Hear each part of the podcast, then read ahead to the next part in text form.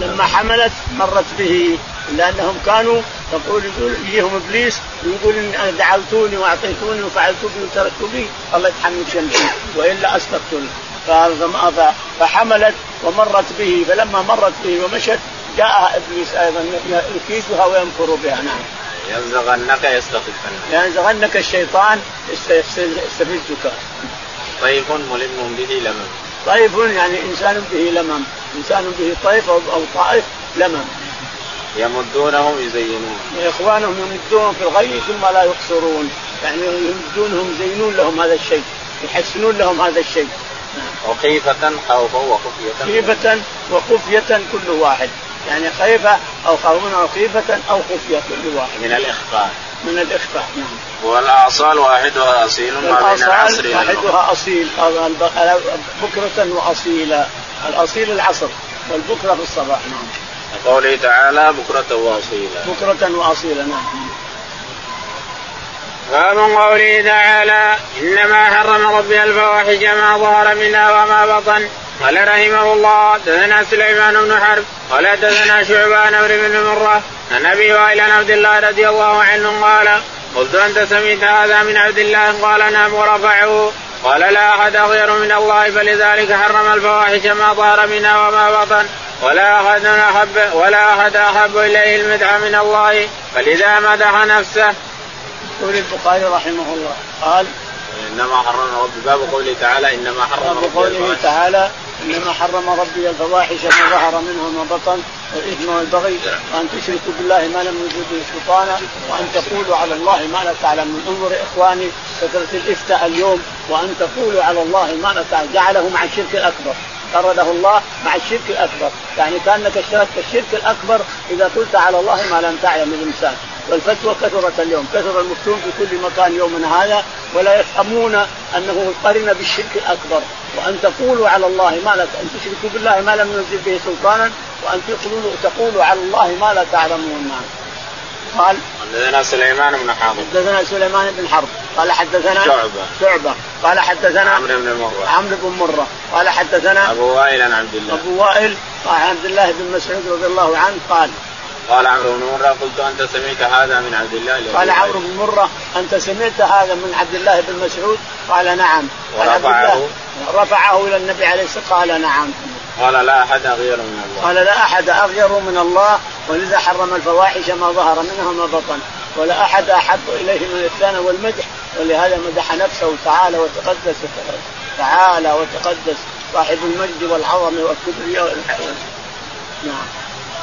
باب قوله تعالى ولما جاء موسى لميقاتنا وكلمه ربه قال رب أرني أنظر اليك قال لن تراني ولكن انظر إلى الجبل فإن استقر مكانه فسوف تراني فلما تجلى ربه للجبل جعله دكا وخر موسى صعقا فلما أفاق قال سبحانك تبت إليك وأنا أول المؤمنين قال ابن عباس أرني أعطني قال حدثنا محمد بن يوسف قال حدثنا سفيان عن ابن يحيى المازني عن ابي عن أبي سعيد الخدري رضي الله عنه قال جاء رجل من اليهود إلى النبي صلى الله عليه وسلم قد لتم وجهه. قال يا محمد إن رجلا من أصحابك من الأنصار لطم في وجهي قال توب فقال لم لطمت وجهه؟ قال يا رسول الله إني مررت باليهود فسمعته يقول والذي اصطفى موسى على البشر فقلت وعلى محمد وأخذتني قدوه فلطمته. قال لا تخيروني من بين الأنبياء فإن الناس يصعقون يوم القيامة فأكون أول من يفيد. فإذا أنا بموسى أخذ بقائمة من قوام العرش فلا أدري أفاق قبلي أم جوزي بصعقة الطور. المن والسلوى. يقول البخاري رحمه الله باب قول تفسير قوله تعالى ولما جاء موسى لميقاتنا لما جاء موسى لميقاتنا نعم. وكلمه ربه وكلمه قال رب ولما جاء موسى لميقاتنا وكلمه ربه قال ربي أرني أنظر إليك. أرني أعطني أرني أنظر إليك يا مولاي. الرب ما يرى بالدنيا الرب ما يرى بالدنيا إنما يرى في الآخرة. معتقد أهل السنة والجماعة أن ربنا نراه في الآخرة إن شاء الله. وأما في الدنيا فهو ما يرى تعالى وتقدس ورؤيتنا له غير إدراك. بل هو يدرك الأبصار ونحن لا ندرك البصر. لا ندرك البصر. إنما نراه كما ورد في الأحاديث الصحيحة الصريحة. الشاهد يقول موسى عليه الصلاة والسلام ربي أرني أنظر إليك. قال لن تراني. ولكن انظر إلى الجبل. هذا الجبل اللي تشوفه مجموعة ما لنا الصحراء كلها. انظر هل يثبت أم ما يثبت. أنت أضعف من, من الجبل. انظر فإن فلما تجلى ربه للجبل جعله دكا وخر موسى صاعقا فلما افاق قال إني تبت إليك وإني من المؤمنين وإني أول المسلمين واني من المؤمنين.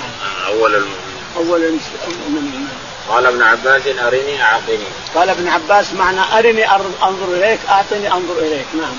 قال حدثنا محمد بن يوسف. يقول حدثنا محمد بن يوسف قال حدثنا سفيان. سفيان قال حدثنا عمرو بن يحيى. عمرو بن يحيى. عن أبيه. عن أبيه يحيى. عن أبي سعيد الخدري. عن أبي سعيد الخدري رضي الله تعالى قال جاء رجل من اليهود إلى النبي صلى الله عليه وسلم قد لطم وجهه. يقول أبو سعيد الخدري رضي الله عنه جاء رجل من اليهود إلى النبي عليه الصلاة والسلام قد لطم وجهه فقد اشتكى أحد الأنصار. فقال يا رسول الله أحد أصحابك لطمني مع وجهي. فدعاه الرسول عليه الصلاة والسلام قال ليش تلطم اليهودي؟ قال يا رب ميثاق جالسين اليهود جالسين مع النبي عليه الصلاة والسلام ميثاق فلا يجوز لأحد من قتل معادا لم يرح رائحة الجنة الشاهد أنه قال لمن لطمته؟ قال يا رسول الله مررت باليهود وإذا هذا يحلف يقول الذي اصطفى موسى على البشر قلت هو محمد ومحمد عليه الصلاة والسلام فسكت الشاهد قال لا تفضلوني على أحد لا تفضلوني على موسى ولا على الأنبياء ولا على أحد لا تفضلوني فإني أنا أول من يصعق من يفيق يوم القيامة. يموتون الناس ويصعق العالم كله ثم أول من يفيق محمد عليه الصلاة والسلام. يقول فإذا أفقت وإذا موسى أخذ بقائم من قوائم الحرب فلا أدري يوجد بالصعقه الأولى أو أنه بعث قبلي ما أدري. فإن كان بعث قبلي فهو أفضل مني. وإن كان جزي بالصعقه فهذه عادية تصير عادية. لكن إن بعث قبلي من يدري؟ يمكن بعث قبلي ولا يجوز بالصعقه إنما قد يكون أفضل مني. فلا تفضلوني على أحد من الأنبياء. نعم. باب قوله تعالى تواضع عليه الصلاة والسلام ولا هو أفضل من موسى أفضل من الأنبياء كلهم. لكن تواضع لا يتجاوز الناس. ويتجاوز الحد في مدح الرسول حتى على كل شيء. يقول لا أتركوني على ما أنا عليه. نعم. نعم. باب قول الله. باب قوله المن والسلوى. قال رحمه الله دثنا مسلم قال دثنا شعبة عن عبد الملك عن عمرو بن حريث عن سعيد بن زيد رضي الله عنه عن النبي صلى الله عليه وسلم قال الكمة من المن وما هو شفاء العين. يقول البخاري رحمه الله باب قول الله تعالى المن والسلوى يعني أن اعطى بني إسرائيل لما خرجوا من البحر ونجاهم الله من فرعون جعل لهم المن والسلوى أكل. المن يقال إنه الكمأة المن والسلوى الطير الأصفر هذا إلى الآن يعرف يعرف الطير السلوى يعرف إلى الآن يسمى السلوى. هذا الطير سلوى يعني معروف إلى الآن. وأما المن فهو الكمأة الكمأة يقول الرسول عليه الصلاة والسلام الكمأة من المن وماؤها شفاء للعين. لكن هل شفاء للعين أن تعصر هي هي تأخذها من التراب الإنسان وتعصر ماءها ويصير شفاء للعين أم أنك تحطها على النار حتى تذوب قليلا ثم تعصرها ينزل الماء بإذن الله حار ثم تقطره بالعين؟ هذا يحتاج إلى إلى بحث. نعم. قال حدثنا مسلم. يقول حدثنا مسلم. تعرفون الكمأة، الكمأة تنبت عند الشجر. جيت العرفج وجيت مثلا العثري وجيت شاهد تجد كأنه فقعة كأنه متى تخرج كأنها فقعة. فإذا تشطبت الأرض وحفرت الشطب هذا اللي في الأرض وجدت الكماء تحتها إلى آخره. يقول تعالى قال باب قول الله قال حدثنا مسلم. حدثنا مسلم بن إبراهيم الفراهيدي. قال حدثنا شعبة. شعبة. قال حدثنا عبد الملك. عبد الملك. قال عن عمرو بن حريث. عن عمرو بن حريث. قال حدثنا سعيد بن زيد. سعيد بن زيد قال النبي صلى الله عليه وسلم قال أنا كمأت من المن سعيد بن زيد بن عمرو بن نفيل أحد العشرة المشهود له بالجنة. يقول النبي عليه الصلاة والسلام قال الكمأة من المن وماؤها شفاء للعين. نعم. باب قوله تعالى قل يا أيها الناس إني رسول الله إليكم جميعا الذي له ملك السماوات والأرض. لا إله إلا هو يحيي ويميت. آمنوا بالله ورسوله النبي الأمي الذي يؤمن بالله وكلماته واتبعوه لعلكم تهتدون قال رحمه الله دثنا عبد الله قال حدثنا سليمان بن عبد الرحمن وموسى بن هارون قال حدثنا الوليد بن مسلم قال حدثنا عبد الله بن العلاء بن زبر قال حدثني بصر بن عبيد الله قال حدثني أبو إدريس القولاني قال سمعت أبا الدرداء رضي الله عنه يقول كانت كانت كانت بين أبي بكر وعمر محاورة فأغضب أبو بكر عمر وانصرف عن عمر مغضبا فاتبعه أبو بكر يسأل ويستغفر له فلم يفعل حتى أغلق بابه في وجهه فأقبل أبو بكر إلى رسول الله صلى الله عليه وسلم فقال أبو الدرداء ونحن عنده فقال رسول الله صلى الله عليه وسلم أما صاحبكم هذا فقد غامر. قال وندم عمر على ما كان منه فأقبل حتى سلم وجلس إلى النبي صلى الله عليه وسلم وقص على رسول الله صلى الله عليه وسلم الخبر قال أبو الدرداء وغضب رسول الله صلى الله عليه وسلم. وجعل أبو بكر يقول والله يا رسول الله أنا كنت أظلم. فقال رسول الله صلى الله عليه وسلم هل أنتم تاركوا لي صاحبي؟ هل أنتم تاركوا لي صاحبي؟ إني قلت يا أيها الناس إني رسول الله إليكم جميعا. فقلتم كذبت. وقال أبو بكر صدقت. قال أبو عبد الله غامر سبك بالخير.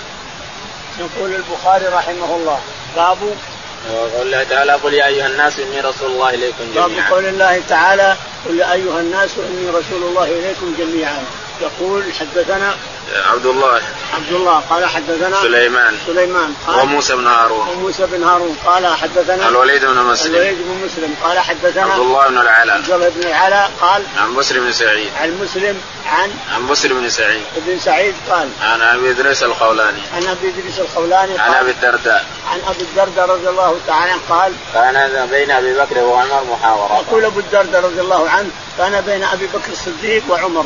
محاورة يعني شيء بينهما خفيف بعد ما هو ما يكون لكنه تغاضبا وتخاصما هذا يقول لا كذا وهذا يقول لا كذا وهذا يقول كذا وهذا يقول كذا. مثل ما حصل بينهم وبين في في فدية أهل أهل بدر لما أحد يقول اللي أسروا يقتلون عمر يقول يقتلون وأبو بكر يقول لا ما يقتلون بل يؤخذ منهم فدية إلى آخره.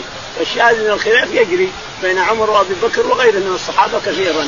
ولكن الله يعفو ويغفر وخصامهم ليس عن شر وإنما هو اختلاف مفهوم. هذا يفهم كذا وهذا يفهم كذا ولا ليس عن شر إنما اختلاف مفهوم. أنا أفهم كذا وهذا يفهم كذا.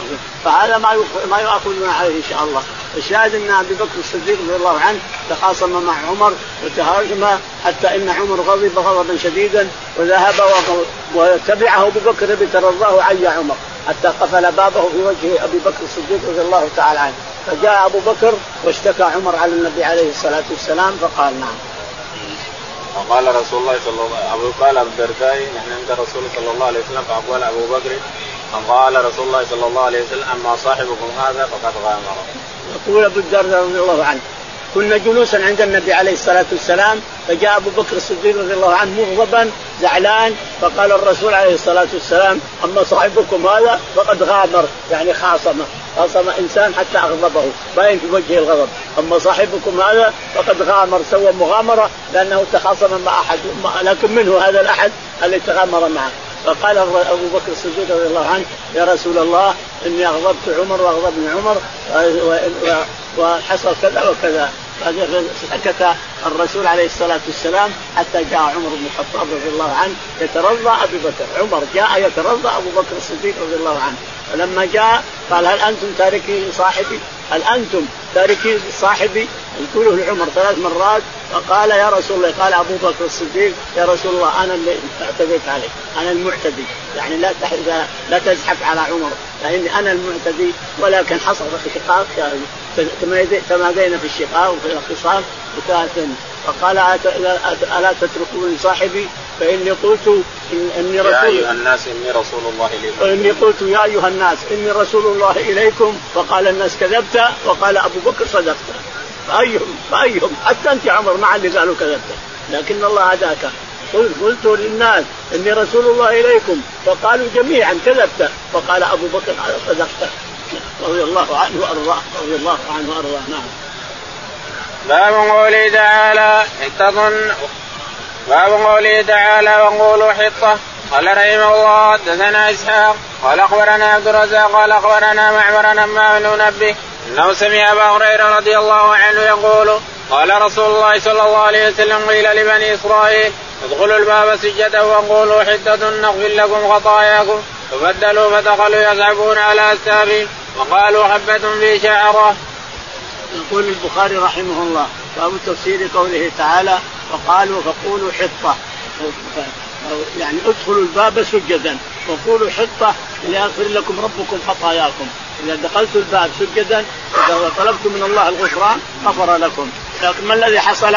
حصل أنهم دخلوا على أجسام يزحفون ويقولون حنطة حنطة حنطة. بدل حطه حنطة حب حب حبه حنطة حبه حنطة. فغضب الله عليهم تعالى وتقدس.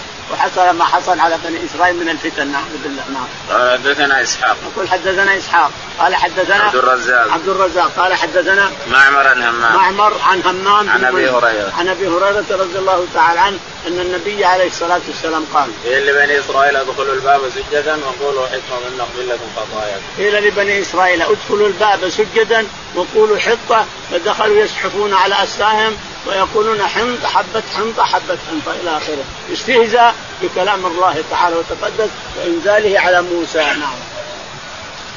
باب قوله تعالى خذ وامر بالعرف عارضا للجاهلين العرف المعروف قال رحمه الله دثنا أبو اليمان قال أخبرنا شعيب عن الزهري قال أخبرني عبيد الله بن عبد الله بن عتبة ان ابن عباس رضي الله عنهما قال قدم عيينة بن حسن بن حذيفة فنزل على ابن أخيه الحر بن قيس وكان من النفر الذين يدنيهم عمر وكان القراء أصحاب مجالس عمر ومشاورته كهولا كانوا أو شبانا. فقال عيينة لابن اخيه يا ابن أخي لك وجه عند هذا الأمير فاستأذن لي عليه. قال سأستأذن لك عليه. قال ابن عباس فاستأذن الحر لعيينة فأذن له عمر. فلما دخل عليه قال هي يا ابن الخطاب والله ما تعطينا الجزل ولا تحكم بيننا بالعدل. فغضب عمر حتى هم به. فقال له الحر يا أمير المؤمنين إن الله تعالى قال لنبيه خذ العفو وأمر بالعرف واعرض عن الجاهلين وإن هذا من الجاهلين. والله ما جاوز عمر حين تلاها عليه. وكان وقافا عند كتاب الله. رضي الله عنه وأرضاه. يقول البخاري رحمه الله باب تفسير قوله تعالى خذ العفو. خذ العفو وأمر بالعرف وأعرض عن الجاهلين لاحظ هذه الآية عند اللي يعرفون النسخ من القرآن والمنسوخ. خذ العفو وأمر بالعرف وأعرض عن الجاهلين، خذ العفو منسوخة وأمر وأعرض عن الجاهل منسوخه وأمر بالعرف، هذه اللي نسختها، الوصف نسخت ثلثين، نسخت طرفين، أمر بالعرف، أمر بالعرف، وخذ العفو وأمر بالعرف وأعرض عن الجاهلين، خذ العفو نسخت تقول أمر مر بالعرف، لا يمكن تسكت عن شيء، مر بالعرف، وأعرض عن الجاهلين أيضا لا تعرض عن الجاهلين، مرهم بالعرف، فوسط السورة الحرف الوسطاني نسخ الأول ونسخ الثاني، كما قرره كثير من علماء الإسلام. يقول رحمه الله يقول البخاري رحمه الله حدثنا أبو اليمان. أبو اليمان. قال حدثنا شعيب عن الزهري. شعيب عن الزهري قال عن عبيد الله بن عتبة عن عبيد الله بن عتبة عن ابن عباس رضي الله تعالى عنهما قال قدم عيينة بن حسن على قدم عيينة بن حسن الفزاري وعلى فنزل على اخيه الحر على ابن أخيه الحر بن قيس. وكانوا من قبيلتين من متصاهرتين. فجلس عليه ثم قال يا ابن يا أخي هل تستطيع أن تدخلني على هذا الرجل؟ يعني عمر بن الخطاب وكان خليفة ذلك اليوم رضي الله عنه وأرضاه. فقال أصبر الصبح وأدخلك عليه. فجاء الحر بن قيس بن فزاري عوينة بن حسن. فأدخله على عمر رضي الله عنه. لما دخل على عمر قال هي هي يا ابن الخطاب هي يا ابن الخطاب. أعرابي ما يفهم حاجة. هي يا ابن الخطاب إنك لم تأمر بالعرف لا تعطي الجزل ولا تفعل كذا ولا تفعل كذا. فغضب عمر رضي الله عنه. وقال الحر بن قيس يا أمير المؤمنين اصبر عليه واعف عنه فإن الله يقول خذ العفو وأمر بالعرف وأعرض عن الجاهلين وهذا من الجاهلين وهذا من الجاهلين. فضحك عمر وعفى عنه. ثم قال ترى الآية ما عاد تعداها عمر رضي الله تعالى وأرضاه. اللهم اهدنا في حديث واحد. حديث واحد. طيب كمل. قال رحمه الله حدثنا يحيى قال حدثنا وكيع عن هشام بن أبي عن عبد الله بن الزبير رضي الله عنهما خذ العفو وامر بالعرف قال ما أنزل الله إلا في أخلاق الناس وقال عبد الله بن براد حدثنا أبو أسامة قال حدثنا هشام بن أبي عن عبد الله بن الزبير قال أمر الله نبيه صلى الله عليه وسلم أن يأخذ العفو من أخلاق الناس أو كما قال. يقول البخاري رحمه الله حدثنا يحيى. يحيى. قال حدثنا وكيع. وكيع. قال حدثنا هشام بن عروة. هشام بن عروة. عن أبيه. عن أبيه عروة بن الزبير. عن عبد الله بن الزبير. عبد الله بن الزبير. بن الزبير قال في قوله تعالى خذ العفو في. قوله تعالى خذ العفو وأمر بالعرف وأعرض عن الجاهلين. قال قال ما أنزل الله إلا في أخلاق الناس. قال ما أنزل الله هذه الآية إلا في أخلاق الناس. يعني خذ العفو عن الناس. وامر بالعرف وأعرض عن الجاهلين. خذوا العفو. يعني اعفو عن الناس. قد تجد جاهل الإنسان. قد تجد كذا قد تجد كذا. فاعفو أسلوبك العفو. ولكن مر بالعرف. المعر المعروف, لازم تأمر به. غضب أو زعل أو غضب مر بالمعروف وأعرض عن الجاهلين. عن الجاهل يتكلم عليك أو قال كذا أعرض عنه. هذه الآية جميلة من أحسن الآيات التي نصها نسخ حرفين. الله أعلم. اللهم اهدنا فيمن هديت وعافنا فيمن عافيت توفنا تولنا فيمن توليت. اللهم توفنا مسلمين. وألحقنا بالصالحين. بالعفو وأمر بالعرف. وأعرض عن الجاهلين.